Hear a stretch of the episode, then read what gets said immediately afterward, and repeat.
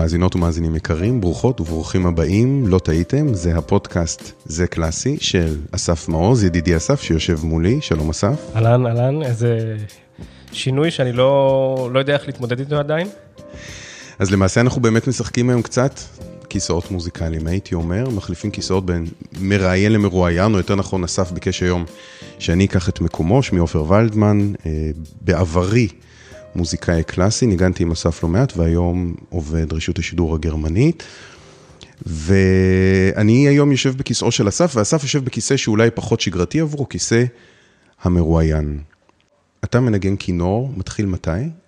התחלתי בגיל חמש, ההורים שלי לא מוזיקאים, הם uh, רצו שאני אלמד כלי כדי שאני אשפר את הדמיון, קואורדינציה, אתפתח. לקחו אותי לאיזה גברת רוסייה שבחנה אותי. אה, אני לא אחכה את המבטא שלה, אבל היא אמרה, הילד מאוד מוכשר, לא כדאי שינגן פסנתר, עדיף שינגן כינור. וככה התחלתי לנגן כינור. אה, אני חושב שלקח לי לא מעט זמן להבין שאני גם ממש אוהב את זה. וניסיתי באיזשהו שלב לנגן עוד כלים, אבל אני לא הייתי ממש, אה, לא הייתי ממש מוצלח בזה, כי לא הייתי טוב בלהתמיד בכלים אחרים. אז התמדתי בכינור, והיו תקופות שהצטערתי על זה, היו תקופות שחשבתי שאני אלך ללמוד משהו אחר, היה איזו תקופה שחשבתי שאני אלך ללמוד משפטים, אבל בעצם תמיד איכשהו הכינור חוזר באיזשהו, באיזושהי דרך לחיים שלי ומשאיר אותי שם, באהבה גדולה, יש לומר. צריך לומר שבעולם של המוזיקה הקלאסית יש לא מעט מוזיקאיות ומוזיקאים שהם באמת באים משושלות של מוזיקאים. זאת אומרת שההורים הם מוזיקאים, סבא וסבתא.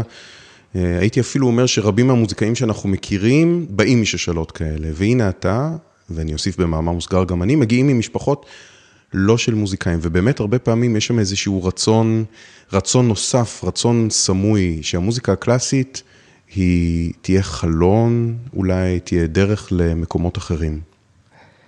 אני, אני אצטט את אבא שלי. אבא שלי הוא, הוא מהנדס, הנדסאי בעצם,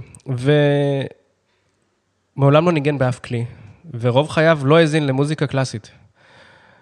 ומאז שאני התחלתי ללמוד כינור, אח שלי למד פסנתר, ואחותי היא גם כנרת, אחותי הצעירה, הוא מאזין אך ורק למוזיקה קלאסית.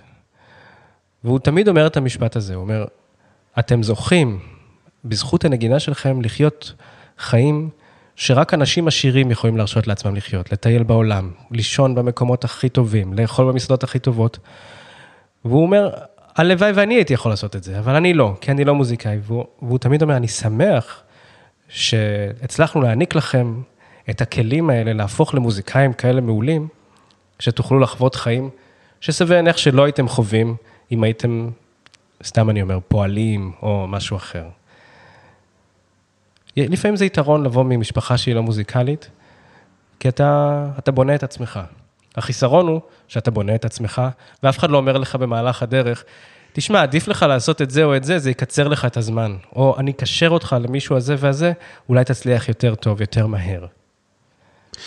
יכול להיות שגם מי שמגיע ממשפחה לא של מוזיקאים, גם מודע לעובדה שיש עולם אחר חוץ מהמוזיקה הקלאסית, והמשחק הזה, או אם נחזור לא, אולי לאיזשהו קו מנחה של הכיסאות המוזיקליים, ממשיך ללוות את הקריירה גם בהמשך. אתה סיפרתי לי בהזדמנות, שהייתה איזו נקודה של בחירה, אם אני לא טועה, בין טניס לבין נגינת הכינור. האם אתה היית מודע באותה נקודה של בחירה? קודם כל, מתי, אם תוכל לתאר אותה קצת, והאם ידעת למה אתה מכניס את עצמך?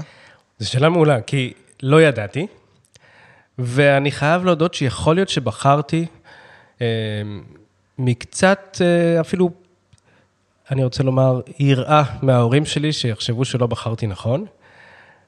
בגיל 10-11, אה, גם ניגנתי בכינור וגם שיחקתי טניס, והייתי לא רע בכלל, בשני הדברים.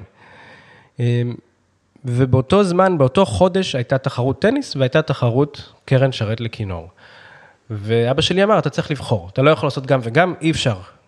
זאת אומרת, צריך להתמקצע או להתמקד במשהו אחד.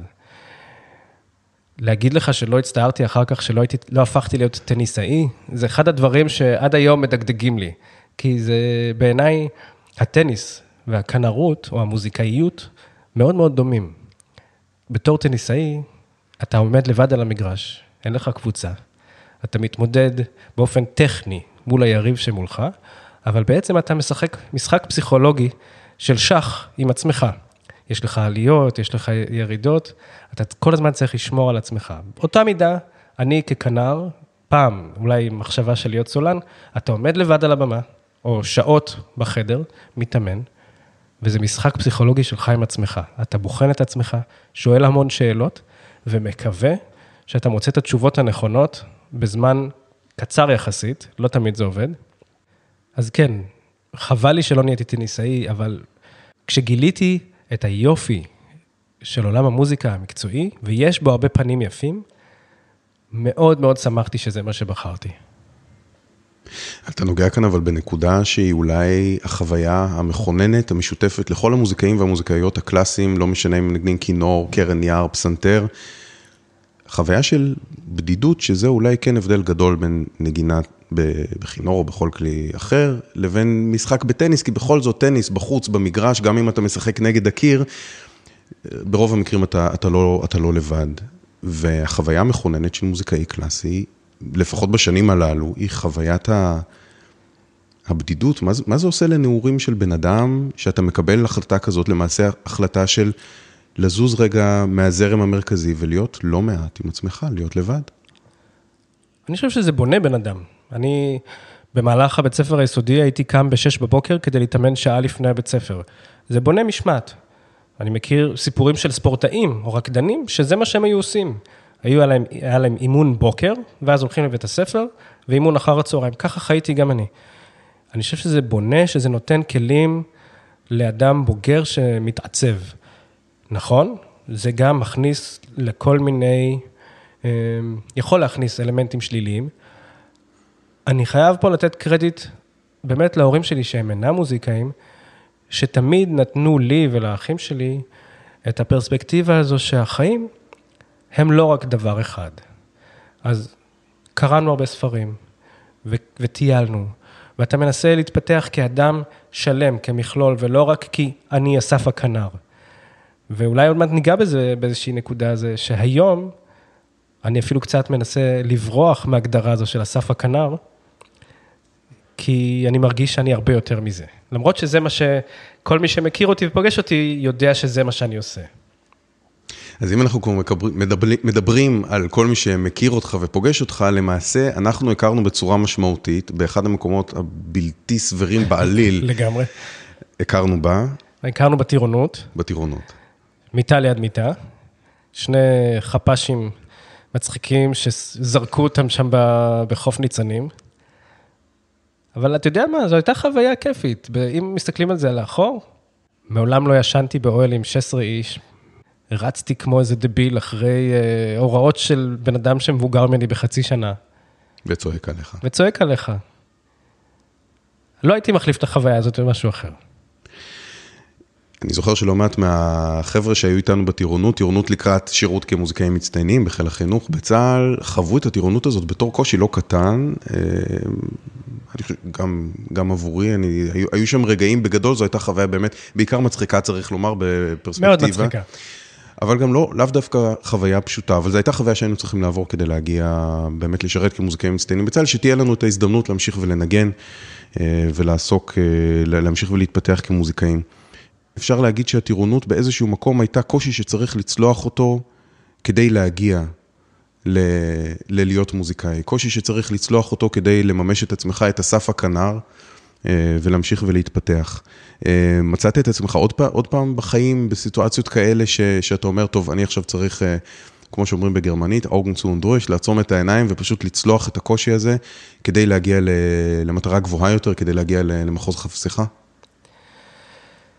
אני רוצה לתאר לך סיטואציה שהיא לא קשורה לצבא, אבל הייתה מאוד קרובה בזמן, ברצף הזמן לשירות שלנו הצבאי. ניגנתי פעם ברביעייה נהדרת, רביעיית מיתרים, שנקרא רביעיית טל, שהייתה חלק מיחידת הנגנים המצטיינים של אה, מרכז המוזיקה בירושלים. ניגענו בערך ארבע שנים ביחד, ובשנה האחרונה שלנו, במחנה האחרון, מחנה קיץ האחרון שלנו, החלטנו שאני, שניגנתי עד אותה נקודה אה, בכינור שני, אנגן כינור ראשון. ולמדנו רביעייה של היידן, והתאמנו המון, והגענו לקונצרט, והיה קונצרט בסדר, אי אפשר להגיד שהוא היה מצוין. אבל כמו שאתה אומר, לעצום עיניים ולהמשיך הלאה. בסוף הקונצרט ניגשו אליי שני מוזיקאים מאוד מאוד בכירים בעולם המוזיקה, לא ישראלים דווקא, ואמרו לי, אסף, תשמע, אתה לא תהיה כנר. זה לא מספיק טוב, אנחנו מאוד אה, מצטערים ששיניתם את הרביעייה כדי שתנגן כינור ראשון, זה, אתה פשוט לא צריך להמשיך. ולא אשקר, נשבר לי הלב. וואו, זה קשה. נשבר לי הלב כי אנשים שאני סומך עליהם ומעריך את דעתם מאוד, אומרים לי, אתה לא טוב, למה אתה ממשיך? לך תהיה משהו אחר. שחיתי בתוך התחושה הזו איקס זמן, אבל לא הרבה מדי זמן, אני חושב שמשהו כמו שבוע, שבועיים. ודווקא בגלל שאמרתי לעצמי, אוקיי, עד עכשיו בא לך הרוב בקלות. אמרו לך שיש לך כישרון, אמרו לך שאתה טוב, ואולי זה לא מספיק טוב. התחלתי לעבוד קשה. עצמתי את העיניים, כמו שאתה אומר, ועבדתי כמו חמור.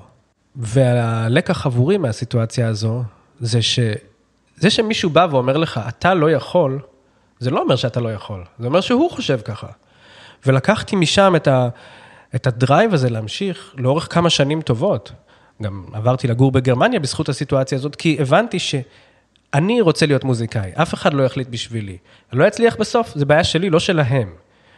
ואז באמת, אה, זה היה איזה חתירה בלתי נלאית למטרה, שהסיטואציה היא צרובה בי, בגלל שהיום אני יכול להגיד שאני מוזיקאי די טוב. אולי כי חוויתי את הנקודת שפל הנוראית, לא יודע, מבחינה חינוכית, אני חייב להגיד, זה לא היה אה, הרגע הגדול ביותר של המחנכים האלה, אבל אה, הם טעו ואני צדקתי. אבל זה מעניין, כי באמת בהכנה לראיון היום, כי צריך להגיד, אמנם היינו אה, מיטה ליד מיטה, אבל היו אי אלו שנים ש, שלא היינו בקשר, כי כל אחד הלך בדרכו, ודיברנו קצת באמת על הנושא הזה של הקשיים. אמרת שאחד הדברים ש, שבאמת קשים לך זה התמודדות עם ביקורת, וממה שאתה מספר לי עכשיו, הביקורת היא, היא זו שהביאה אותך לאן שאתה נמצא. אני חושב שאם נותנים ביקורת עם פתח של משהו חיובי, ולא רק כדי להוריד אותך למטה, אתה יכול לצמוח. וכשאני התחלתי ללמד בעצמי או להדריך, ניסיתי לשמור על הקו הזה, ניסיתי להגיד לעצמי, אתה לא יכול לקטול אנשים, כי זו האהבה שלהם, זו התשוקה שלהם. אני לא תמיד מצליח, אני לא אשקר, אבל, אבל זה נורא חשוב, זה נורא חשוב לתת לאנשים, ולא בפן האמריקאי הזה שמתחילים כל שיחה ב- It's wonderful but. לא, זה לא wonderful. יש פנים שצריך להשתפר, אתה לא מספיק טוב ב-XYZ, אבל יש לך יכולות אחרות שהן נפלאות ואין לאחרים. ואם נקרא לזה באיזה שם כזה, היתרון היחסי שלך, גלה מהו היתרון היחסי שלך, תפתח אותו, ואז תפתח גם את שאר הפנים של מה שאתה עושה, אם זה אומנות, אם זה עורך דין, לא משנה מה, תמיד יש לך משהו שהוא קצת יותר טוב מאחרים. אנחנו תכף נגיע לנטייה הזאת שלך כל פעם לקחת איזושהי תובנה מוזיקלית ולהפשיט אותה מהמוזיקה ולהפוך אותה לרלוונטית לתחומים אחרים. אבל בוא רגע נשאר עם הקשיים. נשאר עם הקשיים. כשאתה מתגבר אה, על קושי מסוים, כשאתה מתגבר על סיטואציה שהיא לא פשוטה, אה, זה גורם לך, כמובן, זה בונה אותך כאדם. וכשאתה מסתכל על קהילת המוזיקאים הקלאסיים, למעשה זה קהילה של אנשים שהתגברו פחות או יותר על אותם קשיים, או על קשיים מאוד מאוד, מאוד דומים. שוב, דיברנו על הבדידות למשל. לאיזה מוזיקאי אין את, הזיכר, אין את הזיכרון הזה של לשבת בחדר האימונים, לשמוע את החבר'ה משחקים כדורסל בחוץ, לסגור את החלון ולהגיד, לא, אני עכשיו צריך לנגן את האתיודים שלי ואת הסולמות שלי וכן הלאה וכן הלאה. חוויית הבדידות, ואתה מדבר עכשיו על התגברות על קושי מאוד מאוד גדול, וכמוזיקאי, כשאתה נתקל בביקורת כזאת, אתה בדרך כלל נתקל בה כאדם, כאדם בודד. זה לא, זה לא רק הרביעייה לא נגנה טוב, כמו שהם אמרו לך, אתה, אסף, נכון. לא תהיה נגן כינור, וברגע וה... שאתה מתמודד עם הקושי הזה ואתה מתגבר עליו, אתה נהיה חלק מקבוצה מאוד מלוכדת ומאוד מאוד מאוד חזקה. אני חושב שהחוויה של התמודדות היא זו שבונה אמן. כי אדם שהכל בא לו בקלות, ובסופו של דבר צריך, אם אנחנו מדברים על מוזיקאים, צריך להרים כלי ולספר סיפור בנגינה. אני מאמין שהסיפור יהיה מאוד שטחי.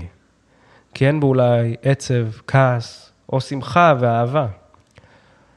בעיניי זה נורא חשוב לחוות את השפל ולחוות את, ה, את הגאות הנפלאה הזו שאתה מתעלה, שאתה מגיע לשיאים, כי אין מה לעשות, זה הופך אותך לאדם הרבה יותר מורכב, ואז בסופו של דבר כנראה, אם אתה טוב במה שאתה עושה בכלי, גם למוזיקאי הרבה יותר אה, מעניין, מרתק לנגן איתו אולי. אני חושב שזה לא מקרה שאתה ביקשת ממני לנהל איתך את השיחה הזו. כי אחד הדברים ש... יש הרבה דברים שמבדילים בינינו, אולי בראש ובראשונה שאתה קשטן ואני נשפן, אבל האמת היא שאני גם לא נשפן יותר, אני לא מוזיקאי, אני הנחתי את הקרן בצד. והעזיבה הזו של האורתודוקסיה, העזיבה של הקהילה, ואני תמיד אומר, אתם רוצים להבין את הלך הרוח של מוזיקאים קלאסיים, לכו לחסידות תולדות אהרון בירושלים, כי באמת ההתמודדות עם הקשיים, ההתמודד, ה, הילדות המצולקת, מילה מאוד קשה מצולקת, ההתמודדות עם ילדות מצולקת יוצרת גם קהילה מאוד מאוד מגובשת של אנשים שחולקים, סליחה שוב על ביטוי מאוד מאוד קשה, שחולקים טראומה, זה מעין, זאת אומרת, תסמונת סטוקהולם, הכינור שלך חטף אותך ואתה, ואתה מזדהה איתו. האירועים הטראומטיים של רובנו, אני מקווה שהם מאוד מאוד מינוריים. גם האירוע שאני תיארתי, אולי מאוד מאוד דרמטי עבורי, אבל אם מסתכלים עליו במכלול החיים, הוא מאוד מאוד שולי.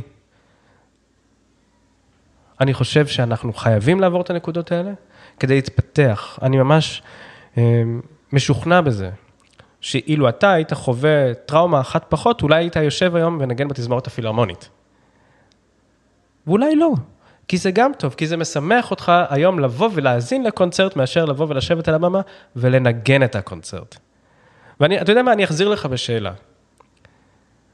אתה חושב שהיית רוצה היום לקחת את הקרן ולנגן היום כשאתה אדם הרבה יותר, נקרא לזה בוגר, רגוע, שלב, או שאין לך צורך בזה? חד משמעית כן, עד היום מאוד קשה לי ללכת לקונצרטים כי אני, כי אני מתגעגע ואני גם יודע שאין דבר נפלא יותר, אין דבר נפלא יותר מלנגן בתזמורת. אה, בוודאי יצירות שאתה מתחבר אליהן, שאתה, שאתה מזדהה איתן, שאתה גדלת עליהן באמת מגיל אפס. אמ, אין ספק, ש... ואגב, זו שאלה מעניינת אם הייתה לי טראומה אחת יותר או טראומה אחת, טראומה, טראומה אחת יותר מדי או פחות מדי, כי שוב, אני חושב שבאמת ה... ה... ה... הילדות הכל כך מובחנת הזאת של מוזיקאים קלאסיים, ובהקשר הזה העובדה שאתה קשטן ועברת בהרבה מאוד תוכניות של קשטנים, זה, זה, זה מהדק קהילה וזה מגביה מאוד את החומות סביב הקהילה הזאת. ואולי בהמשך השיחה... אה, אז רגע, אז אני, אני אמשיך את הקו מחשבה שלך, כי אני חושב שאחד הדברים שבאמת נתנו לי, לא יודע אם להגיד כוח להמשיך, אבל נתנו לי את האנרציה, את האנרגיה להמשיך, זה שמגיל צעיר, גם בקונסרבטוריון וגם בתלמה ילין וגם אחר כך, אנחנו תמיד מנגנים באיזשהו הרכב. ההתמודדות היא לבד, אבל הרבה פעמים יש לך את, ה, את הקבוצה, נקרא לזה, כמו בספורט, שתומכת בך. אז אם אתה מנגן בהרכב ברביעיית מיתרים או בכל הרכב אחר, אם אתה מנגן בתזמורת מיתרים, יש איזושהי חוויה שאלה החוויות הכי טובות שהיו לי כנער, זה שאנחנו נוסעים תזמורת גבעתיים לכנס תזמורות, ואתה יודע, התאהבויות ראשונות, אה, משחקים כדורסל ביחד, אוכלים, אה, אתה יודע, אה, לחמניה ושוקו וכל מיני דברים כאלה, שהם מה שהשאיר אותי בסוף בעולם הזה, כי אהבתי להיות עם האנשים. ו- ואני אגיד עוד יותר, היה לי חלום ארוך שנים להיות סולן. חינכו אותי כל חיי, אתה תהיה סולן. אז הצבתי לעצמי מטרה שעד גיל 21 אהיה סולן, ולא הייתי סולן. אז בגיל 27 אמרתי לעצמי, אני אהיה סולן. לא נהייתי סולן. בגיל 31 אמרתי לעצמי, אסף, די, בוא נשחרר את החלום החסר משמעות הזה. אתה לא סולן, אתה נגן תזמורת מעולה, אתה נגן מוזיקה קאמרית מעולה. שחרר. אין צורך בזה, אתה נהנה מלהיות ביחד עם אנשים, להיות ממש טוב בתוך קבוצה של אנשים. ואני חושב שזה מה שגם היום נותן לי את הרצון להמשיך, זה הרביעיית מיתרים שאני מנגן בה, והתזמורת הפילהרמונית, שהם גופים שיושבים בהם אנשים מעולים. חלקם יותר טובים ממני, ואני רוצה להיות טוב לפחות כמוהם. אז איזה כיף זה, אני לפעמים מסתכל על, על פסנתרנים שהם נורא לבד. אתה יודע, יש להם את היכולת לנגן הרבה יותר צלילים ממני, אבל הם נורא נורא לבד. ההתמודדות שלהם היא נורא קשה. הם יושבים בחדר שעות וממררים לעצמם את החיים, אבל אין להם את הביחדנס הזה שבסוף יציל אותם, שייתן להם שמחת חיים, ולי תמיד היה את זה.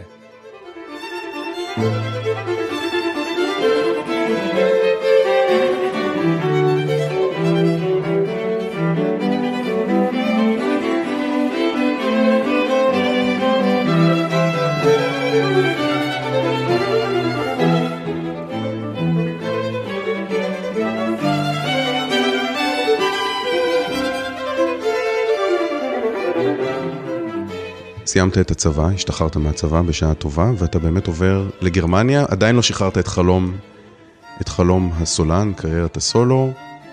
למה גרמניה ומה מה, מה קורה איתך שם בשנים האלה? היה לי חלום המון שנים ללמוד בג'וליארד, בניו יורק. כשאני הייתי נער, ניו יורק זה היה המכה של המוזיקאים. ו... לא היה לי כסף ללכת ללמוד שם, וגם לא ראיתי את עצמי מתקבל לשם. ולאט לאט התחלתי לחפש יותר מקומות באירופה, ודווקא התקבלתי לבית ספר בהולנד.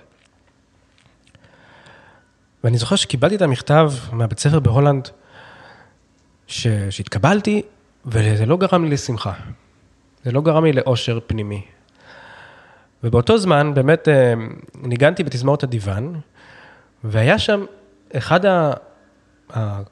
המורים שלנו לתזמורת, כנר נפלא בתזמורת האופרה בברלין, בשטאצופר, ואמרתי, אני חייב ללכת לקחת אצלו שיעור. ונסעתי לברלין לקחת אצלו שיעור, וזה היה פשוט אה, שינה את התפיסה שלי. שבוע, שבוע לאחר מכן נבחנתי לבית ספר שבו הוא לימד והתקבלתי, וזה היה אחד הדברים הכי טובים שקרו לי בחיים. הרבה פעמים אנשים עוברים לגור בחו"ל, כי הם רוצים לגור בחו"ל. אני הלכתי לגור בחו"ל הזה בגלל המורה. הלכתי בגלל בן אדם אחד, ספציפי מאוד. כי חשבתי שהוא יהפוך אותי לכנר הרבה יותר טוב, למוזיקאי הרבה יותר מפותח. אז המעבר הזה מה, מהצבא, שאתה בתוך קבוצה סגורה וכולם חושבים שהם הכי טובים, ופתאום אתה עובר לגרמניה. מביצת ישראל לגרמניה, שיש שם אלפי או עשרות אלפי מוזיקאים, שחלקם נהדרים, ואתה פתאום, אני לא רוצה להגיד כלום, אבל אתה ממש אה, אה, קטנצ'יק מול מערכת אדירה של מוזיקאים. זו הייתה תחושה מפחידה, שגם נתנה לי מוטיבציה אדירה להמשיך ולשבת בחדר ולהתאמן, כי אמרתי לעצמי, אני רוצה להיות עם אלה המעולים. אני רוצה לנגן בתזמורת בגרמניה, שזה הרמה, באותו רגע שחשבתי, הכי טובה שיש. אתה מדבר על שתי תזמורות, או אתה מזכיר שתי תזמורות שניגנת בהן, תזמורת הדיוון ותזמורת הפילהרמונית הישראלית, גם ניגנת הרבה מאוד שנים בתזמורת הפסטיבל של אה, ורביה.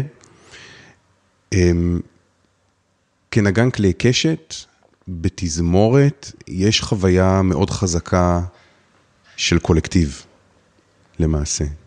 אם שוב אנחנו חושבים על הבדידות של חדר האימונים, ובאיזשהו מקום הבדידות של, אה, של הסולן, התזמורת מציעה אה, אנטיתזה, היא מציעה איזשהו קולקטיב, אבל קולקטיב במחיר אולי של, אה, אולי, מעט, אנונימיות.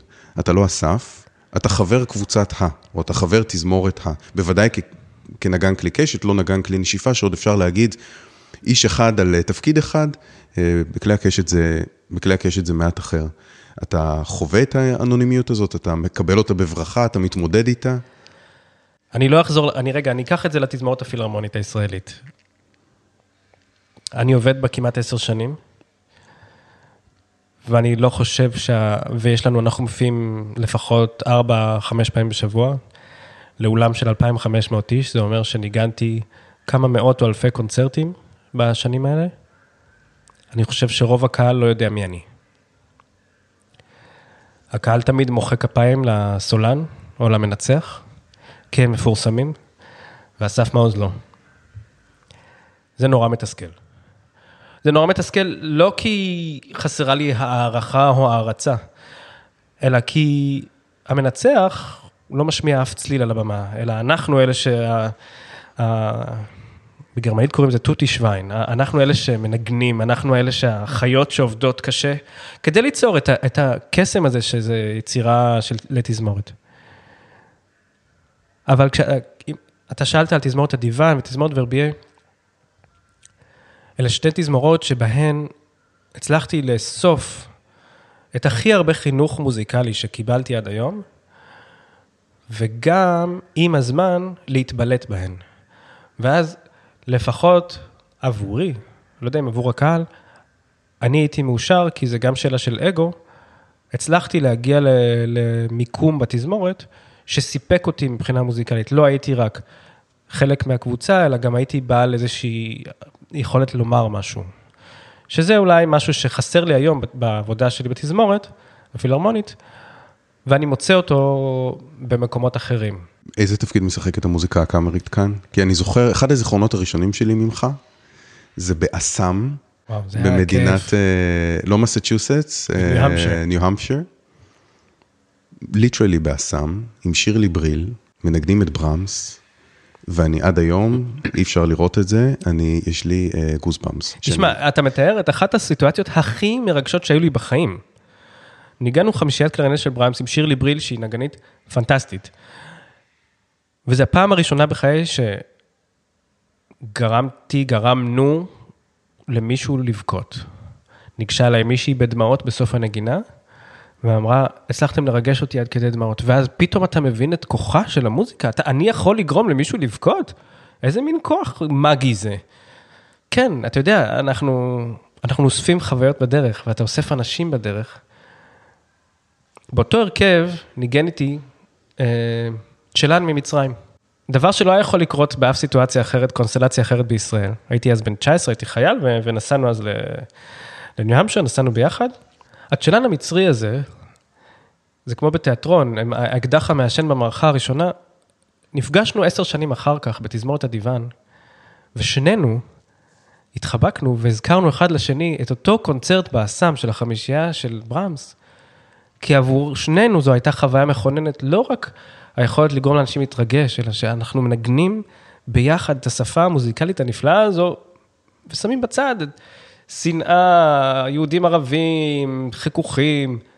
באנו כבני אדם שווים, כמוזיקאים סקרנים שרוצים להכיר אחד את השני. במוזיקה הקאמרית אתה מוצא איזון בין, בין הכנר לבין אסף מעוז? כן, כן, כי מוזיקה קאמרית יש בזה משהו מדהים.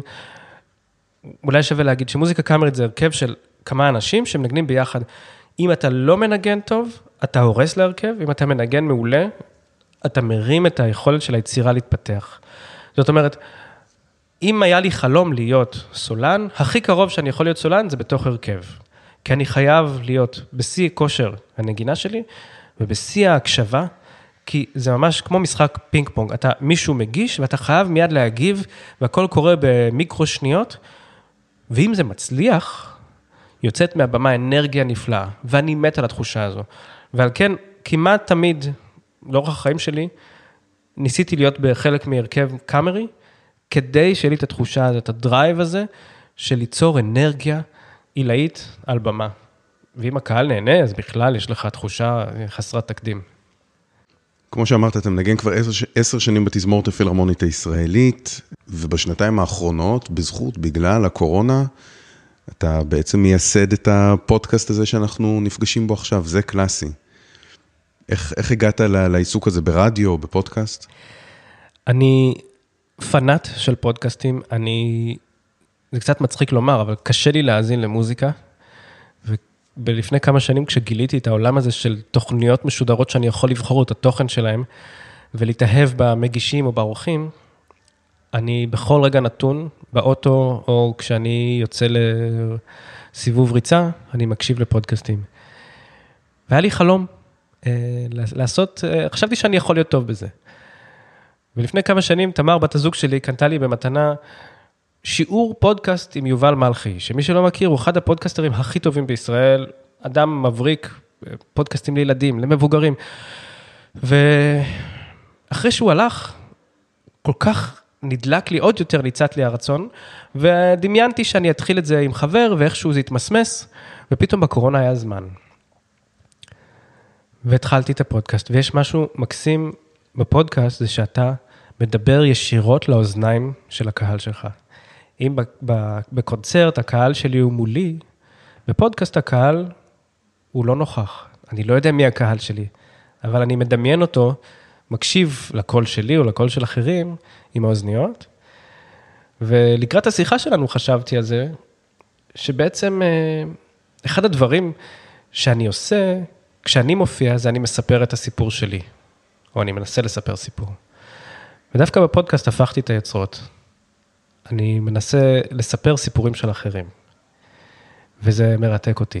לתת קול לסיפורים שבעיניי הם מרתקים ואולי אה, נותנים השראה לאחרים, אולי הם אה, יגרמו לאחרים לפעול אחרת או, או להיות סקרנים בנושא חדש שהם לא הכירו. אחד הדברים שהכי משמחים אותי, שהצלחתי זה ליצור את הפודקאסט הזה. והעובדה שלמעשה אה, אתה, אתה מניח את הכינור בצד. זאת אומרת, קולך, הקול של, הקול של אסף, אני זוכר שנתקלתי לראשונה בפודקאסט שלך בפייסבוק, אני חושב, אמרתי, יואו, איזה יופי. עוד אחד מה, מהפרחים הנהדרים האלה שפרחו בזמן הקורונה, בזמן שהחיים רגע נעצרו. וכמובן שזיהיתי את הקול שלך מיד, זיהיתי ושמחתי לזהות ולהיזכר, אבל הכינור שלך, אני לא יודע איפה הוא, מונח באיזשהו, במקום אחר, הוא לא כאן. אני אסף הכנר. אני חושב על שלכל אדם יש אה, טיפוס או דמות טיפה יותר מורכבת מרק צד אחד. ולאורך השנים גיליתי שאני מאוד אוהב להנחות קונצרטים, לדבר לאנשים, לדבר איתם על הדברים שאני הכי אוהב, שזה מוזיקה, וגם, אני לא מנסה להשתחצן פה, יש לי תחושה שהרבה פעמים לאנשים נוח להיפתח אליי. ובפודקאסט מצאתי את זה שאני מסוגל לגרום לאנשים להרגיש נינוחים מספיק כדי לספר לי סיפור. ואחד האתגרים שמצאתי עבור עצמי בפודקאסט, זה למצוא אורחים שהם לא מוזיקאים. כי החיבור שלי עם מוזיקאים הוא מאוד פשוט, במרכאות. אנחנו מכירים, זה אותו עולם, השיחה היא בדרך כלל תהיה מאוד קולחת וכיפית. אבל כשאני מזמין טייס קרב להתארח בפודקאסט, האתגר עבורי הוא לנסות למצוא את הדמיון או את השוני בין שני העולמות שלנו, ואני חולם על זה שעות. וזה פתאום מרתק אותי. אז העשייה הזו, היא אולי של אסף הכנר שיודע להקשיב. אבל אסף הכנר בקונצרט אה, מנגן, לא מדבר. אז אולי זה פן אחר, חדש שלי, ש... שמאוד משמח אותי, שיש לי קול. מה מדריך אותך באמת, ב... כי אני, לקראת הרעיון שלנו עברתי על רשימת האורחים שלך, וזה באמת נראה כמו, איך אומרים, אה, דן שילון בשיא אה, פריחתו בשנות ה-90, טייס קרב, מנתח לב. זוגתך, אשתך, נכון, תמר. נכון, נכון, אחד הפרקים הכי כיפים. אחד הפרקים המרגשים, אה, מרגשים להאזנה, אני ממליץ לכל מי שלא שמע, לכל מי שלא שמע, לרוץ ולהקשיב. מטפלים זוגיים, הייטקיסטים, מה, אוסף, ערב רב, מה, מה הקו המנחה? אני אוהב להאזין לפודקאסטים שנותנים לי השראה. שאני מקשיב לאנשים ואני אומר, וואו, איך אני לא חשבתי על זה. זה מה שמנחה אותי. אני מחפש אנשים שמשמחים אותי, שאני מרגיש שאני אוכל לשאוב מהם ידע, שאני אוכל ללמוד מהם, אפילו אם זה משהו אחד קטן.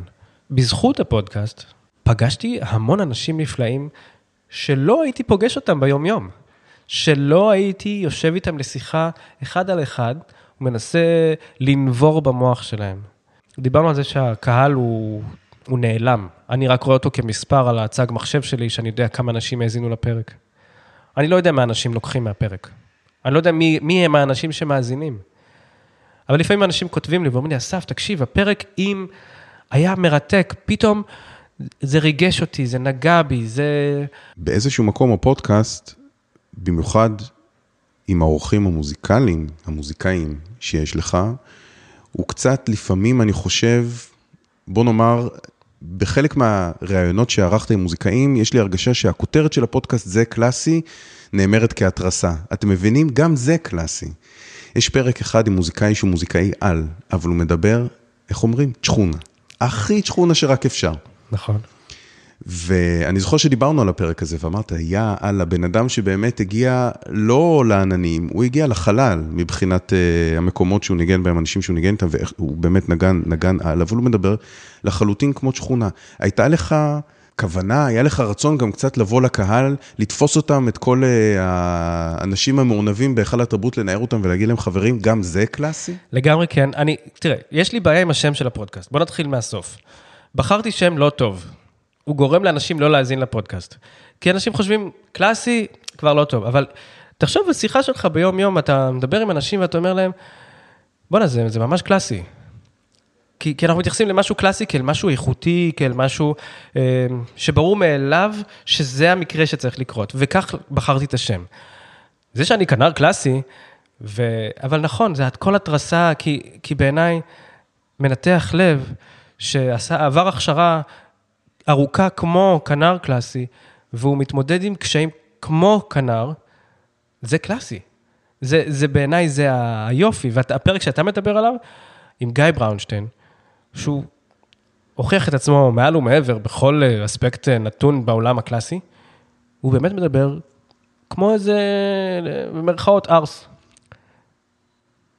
וזה שהוא מדבר ככה, וזה שהוא מנגן לא כמו שהוא מדבר, בעיניי זה תופעה מהממת, שהיא קלאסי, שהיא זה שאנשים צריכים uh, להכיר. אז uh, כן, אני, אני מתריס בדרכי הקטנה, אבל אם הייתי היום יכול לשנות את השם של הפודקאסט, הייתי משנה. יש לך רעיון למה או שנפתח את זה עכשיו למאזינות בוא, בוא נפתח, ומאזינים? בוא נפתח. אז מאזינות ומאזינים יקרים, אתם מוזמנים uh, בכל אחד מהערוצים שבהם מופיע הפודקאסט הזה, זה קלאסי, להציע. אני, אני, אני אשמח להצעות. אני, אני שוקל לעשות rebranding של השם של הפודקאסט כדי שיגיע ליותר אוזניים. אנחנו דיברנו על אנונימיות, אנחנו דיברנו על בדידות, אנחנו דיברנו על התנועה שלך בין לבין, אנחנו חוזרים לזה עוד פעם, לכיסאות המוזיקליים. בעצם אתה, דרך הפודקאסט הזה, למשל, אותו פרק באמת נפלא עם גיא בראונשטיין, גם עם מוזיקאים אחרים, אתה בעצם מזמין את כל הקהל, את כל מי שמאזין לפודקאסט הזה, לשחק איתך את משחק הכיסאות המוזיקליים. בעצם להתגבר על החומה הבלתי נראית בין הקהל, בין הקהל לבין התזמורת. אתה חושב שזה שוב, אני חוזר לאסף הכנר, אסף הילד שבוחר בכינור, אסף שמגיע מבית שהוא לא מוזיקלי, לא מוזיקאי. זה מה שמדריך אותך? אתה מנסה בעצם לעבור כאן, לשבור כאן איזשהו גבול, את הגבול בין העולמות? לפני כמה שנים התחלנו, אני וחברה מהתזמורת, איזשהו מיזם של אה, סיורים מאחורי הקלעים. חושב שאנשים לא מכירים את הדרך שבה אנחנו מתכוננים לקונצרט ומגיעים. והדרכנו עשרות של סיורים ופגשנו מאות אנשים. וכמעט תמיד סיימתי את המפגש עם האנשים האלה במשפט שישמע לך די מצחיק, ואמרתי להם, אם אתם באים לקונצרט, תעשו לי שלום מהקהל. מה הייתה הכוונה שלי? רציתי שאני אזכר בהם, אבל רציתי שהם ייזכרו בי. אני שומע את הילד שיושב בגיל שמונה ומנגן סולמות, אומר להם את זה. יש משהו שהוא מאוד מתסכל בלהיות אחד מיני רבים. למרות שכשנבחרת באודיציה לתזמורת, אתה צריך להיות הכי טוב מכולם. ואולי שווה להרחיב על זה באיזה רגע הזה. כדי להתקבל לתזמורת, לא רק הפילהרמונית הישראלית, אתה עובר אודישן מאוד מפרך. ואתה צריך לנגן הכי טוב מכולם כדי לקבל את הג'וב הנחשף. למרות שבחיי היומיום בנגינה, לא נדרש ממך להיות הכנר הכי טוב, נדרש, לך, נדרש ממך להיות הכנר שלא מפריע, שמשתלב טוב בצליל של הקבוצה. שחקן קבוצתי. אתה, אתה חוזר לזה ש, שאני מנסה לשבור איזשהו קיר, אני מנסה לשבור את המוסכמה שהתזמורת הפילהרמונית, או תזמורת, היא גוף אחד. התזמורת מורכבת מהרבה אנשים, והייתי מאוד רוצה שהקהל יכיר אותי ואת החברים שלי, והם ידעו שאנחנו לא סתם מקשה אחת, אנחנו מקשה אחת שמנגנת מעולה ביחד, אבל אנחנו אוסף של אנשים מעניינים, מיוחדים, ואם הייתי יכול לארח בפודקאסט את כל אחד מאנשי התזמורת, הייתי עושה את זה. כי אני חושב שיש שם אוסף של סיפורים מרתקים. כל מיני סיפורים שאתה לא מדמיין שיכולים להיות, וכל הדברים האלה הם כל כך מרתקים, והם אלה שהופכים אותנו לנגנים שיוצרים את הציל של התזמורת. כן, אני רוצה לשבור את הקיר. אני רוצה מאוד להזמין את הקהל לשבת על הבמה, פשוט אין מספיק מקום. אז זו הדרך שלי להזמין אותם לבמה. ואתה לא מפחד שהקסם יתפוגג? שבאיזשהו מקום דווקא הריחוק הזה, דווקא העילה הזאת, התזמורת הפילהרמונית הישראלית, האנשים היחידים שמותר להם להסתובב בפרק ברחובות תל אביב בלי להיעצר, אתה לא מפחד שיהיה בזה, שזה יסדוק משהו, שזה יסדוק גם משהו ש... אם לא, נחזור רוצה... לחסידות תולדות אהרון, שגם שומר על הקהילה של המוזיקאים קצת. לא, כי אולי זה יגרום לאנשים אחרים לרצות להכיר את המוזיקה הזו שאני כל כך אוהב. כי זה לא יהיה כזה מורם מעם. אז יראו אותי לבוש בבגדי פינגווין שלי, אבל יגידו, היי, זה אסף, בוא נשאל אותו שאלה רגע, למה הנגן משולש מנגן ככה, ולמה המנצח עושה ככה? אני רוצה לשבור את הדבר הזה, אנחנו לא בווינה של שנות ה-30. אני לא הר פרופסור מעוז. אני חושב שהיום, בעידן הדיגיטלי, שאנחנו רגילים לראות את כולם מקרוב, כל הזמן, כל הזמן, אני רוצה שהקהל יכיר אותי. אני רוצה שהקהל יכיר אותי, אני מדבר עליי, אבל אני מתכוון גם אליך, כשאתה ניגנת. לא מתכוון אליי רק אסף. הקרבה הזו יוצרת את התחושה שאנחנו חלק ממשפחה אחת שאוהבת אותו הדבר. אם זה קהילת אהרון והם כולם אוהבים ספר מאוד ספציפי, אז אצלנו יש ספר אחר שנקרא פרטיטורה שכתב מוצרט, ברמס, בטהובן. אנחנו חיים על אותה מסורת, על אותה הדת. אז יש לנו את התנ"ך שלנו, ואסור לשנות בו כלום, אבל אני רוצה שתכירו את הדרך שבה אנחנו לומדים להגיע לבמה ולספר לכם את הסיפור של התנ"ך שלנו. ואני מגיע לשאלה האחרונה שלי אליך, אסף. אני שמתי לב, או אחד הדברים שככה בולטים לעין כשמסתכלים על רשימת הפרקים של הפודקאסט שלך, זה שלחלקם יש כותרות, שמות אה, מאספים איזה מעין אה, רעיון, אה, קו מחבר, וחלקם זה פשוט שם המשתתפים. ואנחנו דיברנו היום על הבדידות של המוזיקאי הקלאסי, אנחנו דיברנו על האינטימיות של ההרכב הקאמרי, אנחנו דיברנו על האנונימיות של התזמורת, למעשה. דיברנו על כיסאות מוזיקליים, דיברנו על גבולות והפריצה שלהם, דיברנו על לעשות לאנשים שלום מהקהל, שזה תמונה יפהפייה. איך יקראו לפרק שלנו? זה יפה שאתה שואל את זה. לא ידעתי מה אתה הולך לשאול אותי, אבל קיוויתי שתשאל אותי על הילדות שלי, ובאמת שאלת. חשבתי לקרוא לפרק הזה, והילד הזה הוא אני. יהודה אטלס, ספר איקוני. זה קלאסי. זה קלאסי. נראה לי שככה אני אקרא לפרק.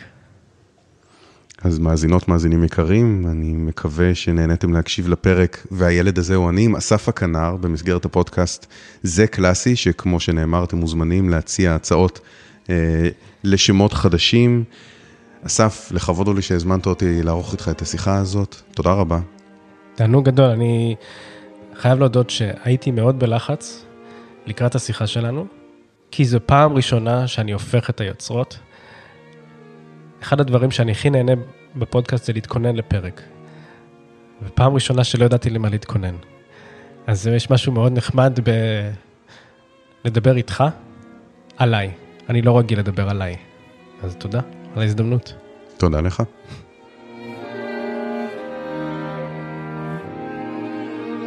זה היה פרק 40 של הפודקאסט, וזו אולי מתנה קטנה שהענקתי לעצמי, ואני מקווה שהיה לכם נחמד להאזין. כפי שחלקכם יודעים, אני מגיש ועורך את הפודקאסט, ולערוך את הפרק הזה היה לי ממש לא פשוט. להקשיב לעצמי מדבר ולהחליט להוריד את המשפט הזה או את התשובה הזו, בהחלט חוויה מעניינת. תודה רבה לעופר ולדמן שהסכים לקבל עליו את המשימה, ולהפוך את היוצרות ביחד איתי. לדעתי זו הייתה חוויה מרתקת עבור שנינו. אני מעודד אתכם לגלול ברשימת הפרקים, ולהאזין לשיחה שלי עם גיא בראונשטיין או עם תמר בת הזוג שלי. כרגיל, אני זמין לתגובות ושאלות בדף הפייסבוק זה קלאסי, או בכתובת המייל שנמצאת בתיאור הפרק. אני מאוד אשמח אם תדרגו את הפודקאסט גבוה באפל פודקאסט או ספוטיפיי. אני אסף מעוז, נשתמע בפרק הבא.